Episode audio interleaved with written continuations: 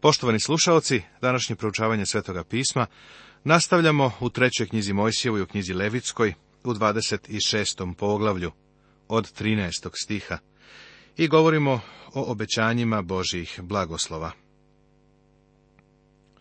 Ja sam gospod Bog vaš, koji vas izvedoh iz zemlje Misirske, da im ne robujete, i polomih palice jarma vašega, i ispravih vas da hodite pravo Buduće obećanje blagoslova počiva na čvrstoj istoriji prošlosti, kada ih je Bog izbavio iz Egipta. On im govori, to sam za vas učinio u prošlosti, zar ne znate da ću to učiniti i u budućnosti?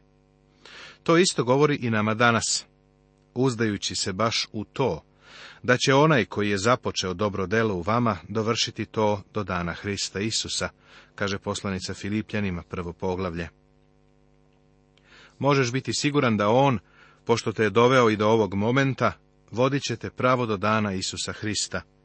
Na to mogu da kažem samo Aleluja.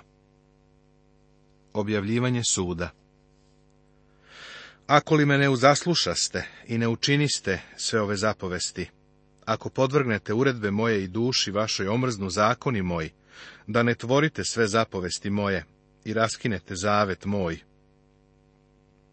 Poslušaj ovdje tri ako u ova tri stiha.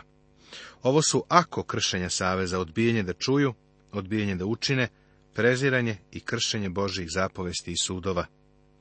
Kršenje Božijeg saveza na narod i na zemlju će doneti sud. I ja ću vama učiniti ovo. Pustit ću na vas strah, suhu bolest i vrućicu, koje će vam oči iskvariti i dušu ucveliti. I zaludu ćete sijati seme svoje, jer će ga jesti neprijatelji vaši. I okrenut ću lice svoje suprot vama i seći će vas neprijatelji vaši, i koji mrze na vas, bit će vam gospodari i bežat ćete kad vas niko ne tera. Ovo je prvi stepen suda. Strah, tuberkuloza, suha bolest, groznica, odnosno vrućica, tuga srca, duša ucveljena i loš prinos žita. Neprijatelji će ih ubijati, porobiti i izazivati veliki strah. Ovo se tako često dešavalo u njihovoj tužnoj i jadnoj istoriji. Čitamo da je gnev Boži rastao protiv Izraela, a on ih je davao u ruke pljačkaša, koji su ih pustošili. Proroci su u svojim porukama njihovu pažnju okretali ka činjenici da su prekršili savez koji je Bog sa njima sklopio. I poješće letinu tvoju i hleb tvoj, što sinovi tvoji i kćeri tvoje šćahu jesti, kaže knjiga proroka Jeremije u petom poglavlju. Ti ćeš sejati, ali nećeš žnjeti, ti ćeš cediti masline, ali se nećeš namazati uljem i mast, ali nećeš piti vina. Ako mi ni tada nestanete slušati, karaću vas još sedam puta više za grehe vaše. Potrću ponos sile vaše i učinit ću da nebo nad vama bude kao gvožđe i zemlja vaša kao mjed snaga će se vaša trošiti u zalud, jer zemlja vaša neće rađati roda svojega. I drveta po zemlji neće rađati roda svojega. Ovo je drugi stepen suda. Ako budu tvrdoglavi i uporni i nastave sa neposlušnošću, onda će ih Bog osuditi sedam puta teže, što ukazuje na potpuni i apsolutni sud, njihov ponos će se slomiti, neće biti kiše, a žitni prinosi nikako neće uspevati. Ako mi uzidete na suprot i ne hted budete slušati me, dodaću vam sedam puta više muka prema gresima vašim. Pustit ću na vas zveri poljske, koje će vam decu izjesti, i stoku potrti i vas umaliti, i opustit će putovi vaši. Ovo je treći stepen suda. Muke i divlje zveri će desetkovati populaciju. Sve ovo je došlo na njih. Pročitaj u knjizi o sudijama gde su putovali po sporednim putevima, dok su glavni putevi ostali nezauzeti. Čovek je nad prirodom izgubio dominaciju. Ako se ni od toga ne popravite, nego mi još te uzidete na suprot, i ja ću vama ići na suprot i bit ću vam još sedam puta više za grehe vaše. Pustit ću na vas mač, koji će osvetiti moj zavet, a kad se sležete u gradove svoje, tada ću pustiti pomor među vas i bit ćete predani u ruke neprijatelju. I kad vam slomim potporu u hlebu, deset će žena peći hleb vaš u jednoj peći i davat će vam hleb vaš na meru i ješćete, a nećete se nasititi. Ovo je četvrti stepen suda. Zapazi kako se ponavlja broj sedam, što govori o potpunosti.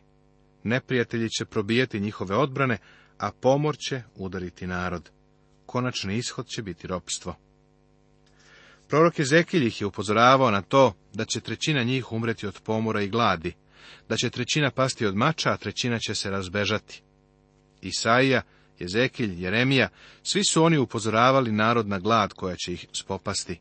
Sve se to dogodilo.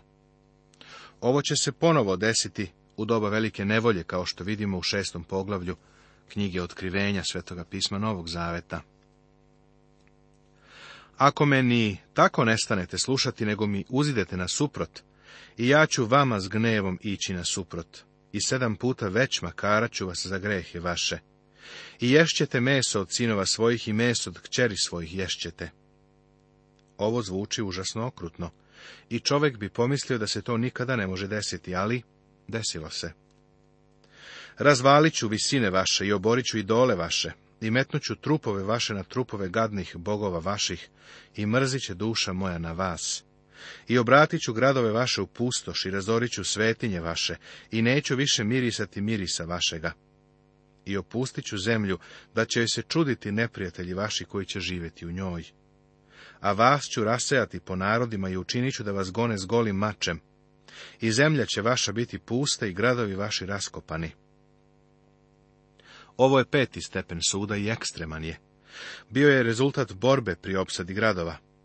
Ovo se ispunilo pri opsadi Samarije, kako je zapisano u druge knjizi Carevim u šestom poglavlju, i ponovo pri opsadi Jerusalima, kada su došli Vavilonjani pod voćstvom Navuhodonosora. Vidi knjigu Plači Remin, drugo i četvrto poglavlje. I onda opet kada je Tit Rimljanin napao Jerusalim 70. godine posle Hrista. Stih 37. je slika zemlje kakva je bila 1900 godina.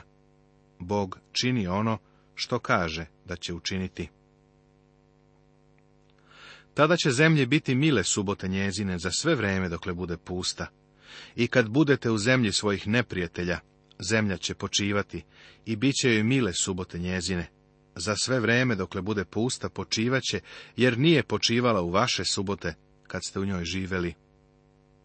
Evo razloga zašto su odvedeni u vavilonsko ropstvo. U toku 490 godina Izraelci nisu zemlji davali subotu. To znači da zemlja nije imala 70 subotnih godina. Izraelski narod je mislio da će se sa tim provući, ali je Bog konačno rekao da je dosta. Ako oni nisu hteli da zemlju daju subote, Bog jeste. Zato ih je isterao iz zemlje na 70 godina. Kako je Bog precizan? Zato je vavilonsko ropstvo trajalo sedamdeset godina. A koji vas ostanu, metnuću strah u srca njihova u zemljama neprijatelja njihovih, te će ih goniti list kad šušne zaljuljavši se, i oni će bežati kao ispred mača, i padaće, a niko ih neće terati. I padaći jedan preko drugoga kao od mača, a niko ih neće terati, i nećete se moći držati pred neprijateljima svojim nego ćete izginuti među narodima i proždreće vas zemlja neprijatelja vaših. A koji vas ostanu, čilje će za bezakonje svoje u zemlje neprijatelja svojih i za bezakonje otaca svojih čiljeće. Ovo je precizno proročko oslikavanje jevrejina od vremena ropstva, kada su bili raštrkani po narodima. Talas za talasom antisemitizma je dolazio na njih da bi ih uništio. Ovaj deo je i potresna slika nacističkog antisemitskog pokreta. Vidiš kako je levitska knjiga savremena. Proročanstvo o obećanju izrečeno patrijarsima.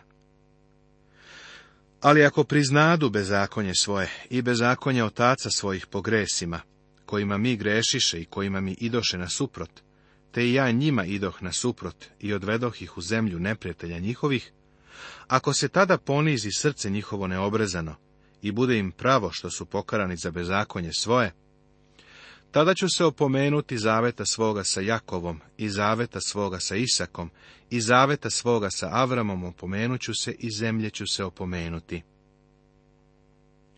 Sve njihove prošle nepravde ne uništavaju činjenicu da Izrael ima tapiju na tu zemlju. Ovo je izvanredno proroštvo proroštvo koje Bog kaže da će ispuniti kada dođe vreme. Bog ih neće potpuno uništiti zbog zaveta koji je dao Avramu i ostalim patrijarsima. U drugoj knjizi Mojsijevoj nalazimo da, kada je Izrael bio u ropstvu u Egiptu, Bog je čuo njihove uzdisaje i vapaje, setio se svoga zaveta sa Avramom, Isakom i Jakovom, pa ih je oslobodio iz Egipta. Sada im Bog govori da će ostati u zemlji ako mu budu poslušni. Ako ne, moraju otići iz zemlje. Ali ako se pokaju i obrate ka Bogu, dok budu izvan zemlje, on će ih ponovo vratiti u zemlju. Tako vidimo da se Danilo okrenuo ka Bogu u molitvi dok je bio u Vavilonu. Okrenuo je svoje lice ka Jerusalimu, priznao je svoje grehe i grehe svoga naroda i kada je to učinio, Bog je čuo. Bog mu je poslao vesnika da mu kaže da će se vratiti u zemlju. I vratili su se u zemlju. Bog još uvijek ima cilj za budućnost za ovaj narod, a sud iz prošlosti ne može da poništi taj cilj. S ovim u vezi pročitaj poslanicu Rimljanima 11. poglavlje i knjigu proroka Jeremije 31. poglavlje. Kad se zemlja oprosti njih i budu joj mile subote njezine, kada opusti s njih, i njima bude pravo što su pokarani za bezakonje svoje, jer sudove moje podvrgoše i duše njihovoj omrzoše uredbe moje. A zato ni onda, kad budu u zemlji neprijatelja svojih, neću ih povrći, niti ću tako omrznuti na njih da ih potrem i raskinem zavet svoj s njima, jer sam ja, gospod Bog njihov. Prijatelju, ovo je izvanredan deo iz Svetoga pisma. Kada pročitaš ovaj deo, možeš li reći da je Bog završio sa izraelskim narodom? Ako veruješ da Bog misli ono što govori, onda on sa njima uopšte nije završio. Nego ću se njih radi opomenuti zaveta sa starima njihovim, koje izvedoh iz zemlje misirske narodima na vidiku da im budem Bog, ja, gospod. Ovo su uredbe i sudovi i zakoni koje postavi gospod između sebe i sinova Izraeljevih na gori Sinajskoj preko Mojsija. Doneli su sud na Palestinu, baš kao što je Adam svojim grehom izazvao sud na celu zemlju. Zbog Božijeg saveza sa njihovim očevima, Bog će ih vratiti u zemlju i obnoviti sve što im je obećao. Došli smo do kraja davanja zakona ovdje u trećoj knjizi Mojsijevoj. Bog potvrđuje zakon koji je dao preko Mojsija. Ovaj stih kao da završava ovu knjigu, ali nije tako. Bog kroz vekove gleda njihove padove koji su se stalno ponavljali, kao i na svoju vernost i konačnu pobedu. Mojsije im nije mogao doneti večne blagoslove, iako je bio posrednik. Svet mora da vidi drugoga. Jova nam daje odgovor, jer zakon je dan preko Mojsija, a blagodati istina dođe kroz Isusa Hrista. Poglavlje 27. Tema Posvećenje i odanost zavetima Kad počneš da čitaš ovo poglavlje, Pitaš se zašto je ovde. Delo je kao dodatak ili post skriptum trećoj Mojsijevoj, knjizi Levitskoj. Svi tumači ovo zapažaju, a neki čak ovo smatraju glavnim problemom knjige. Jedan od njih, Ses, ga ne uključuje u treću Mojsijevu, a dr. Lengli ga smatra dodatkom, odnosno prilogom. Iako tema deluje neobično i kao da se ne odnosi na sadržaj knjige, ne vidim razlog da se od ovoga pravi tako veliki problem. Smatram da apsolutno postoji razlog zašto je ovo poglavlje ovdje smešteno. Dr. Kellogg sa pravom duhovnom percepcijom primećuje da ono što je poglavlju prethodilo bilo je obavezno, dok je ovo dobrovoljno. U stvari ovo stvara divan i podesan vrhunac ove knjige o službi i slavljenju. Na vrlo sličan način 21. poglavlje Jovanovog evanđelja sledi nakon najuzbišenije tačke u 20. poglavlju. U 20. poglavlju Vaskrsli Hristos pokazuje se svojim učenicima i šalje ih u svet, ali samo momenat. On u 21. poglavlju ima poruku za Simona Petra. Ako me voliš, napasaj ovce moje. Ovo je dobrovoljno i zasniva se na ljubavi. To je Božji metod. Vrlo je upadljivo da su ovi zaveti dobrovoljni. Oni slede zapovesti, obrede naredbe. To je kao kad se ide u drugi kilometar, nakon što je Bog tražio samo jedan. Ovo je reakcija zahvalnog srca. Međutim, važno je primetiti da nakon što se Bogu dalo obećanje, od suštinske važnosti da se ono i ispuni.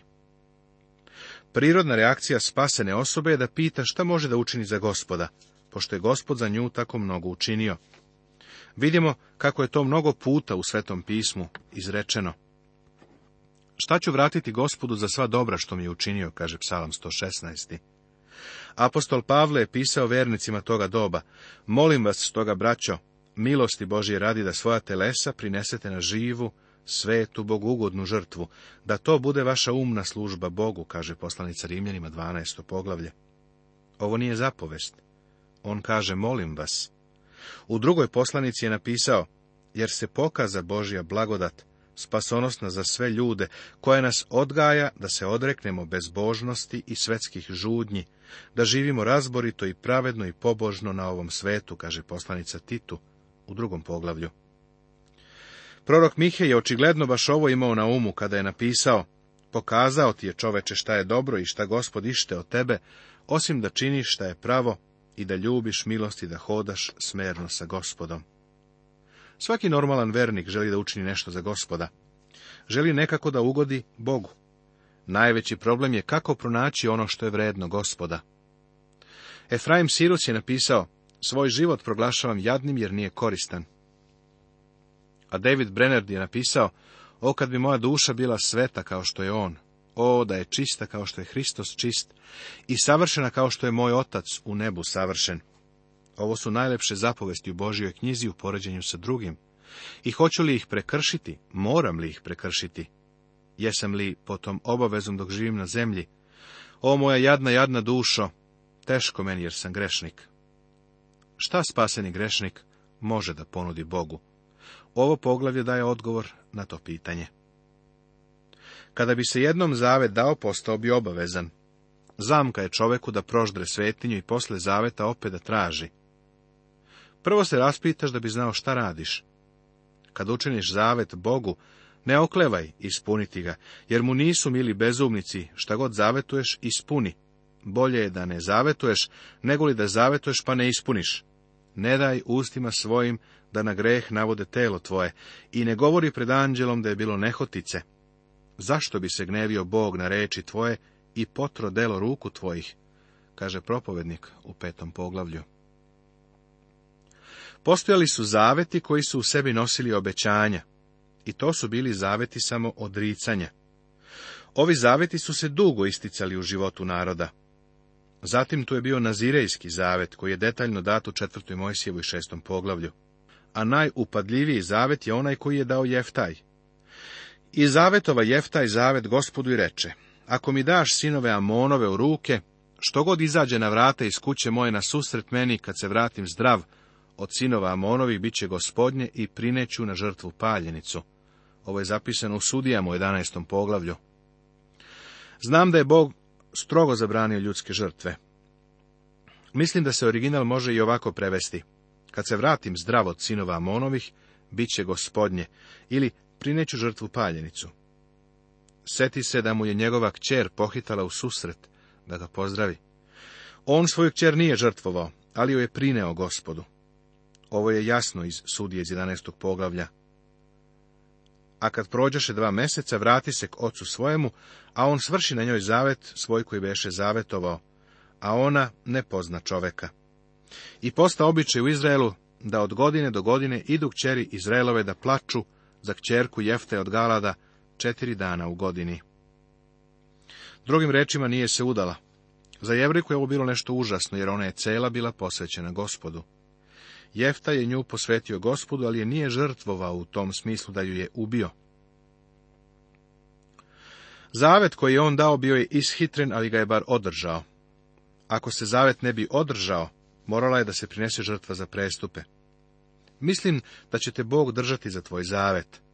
Tako mnogo hrišćana danas ne drži zavet koje je dalo Bogu.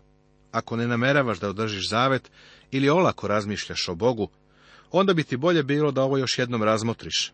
Mislim da i danas ima mnogo hrišćana koji su zastranili, ima mnogo onih koji su osuđeni, mnogo koji su zaspali, kao što kaže Pavle. Seti se da Bog ne traži od tebe da donosiš zavet, to je dobrovoljno. Ali ako Bogu nešto obećaš, postaraj se da to i ispuniš. Kada učiniš zavet gospodu Bogu svojemu, ne okleva ispuniti ga, jer će ga tražiti od tebe gospod Bog tvoj i bit će na tebi greh. Ako li se ne zavetuješ, neće biti na tebi greha. Što ti izađe iz usta, ono drži i čini, kao što zavetuješ gospodu Bogu svojemu dragovoljno, što izrečeš ustima svojim. Nastavit će se.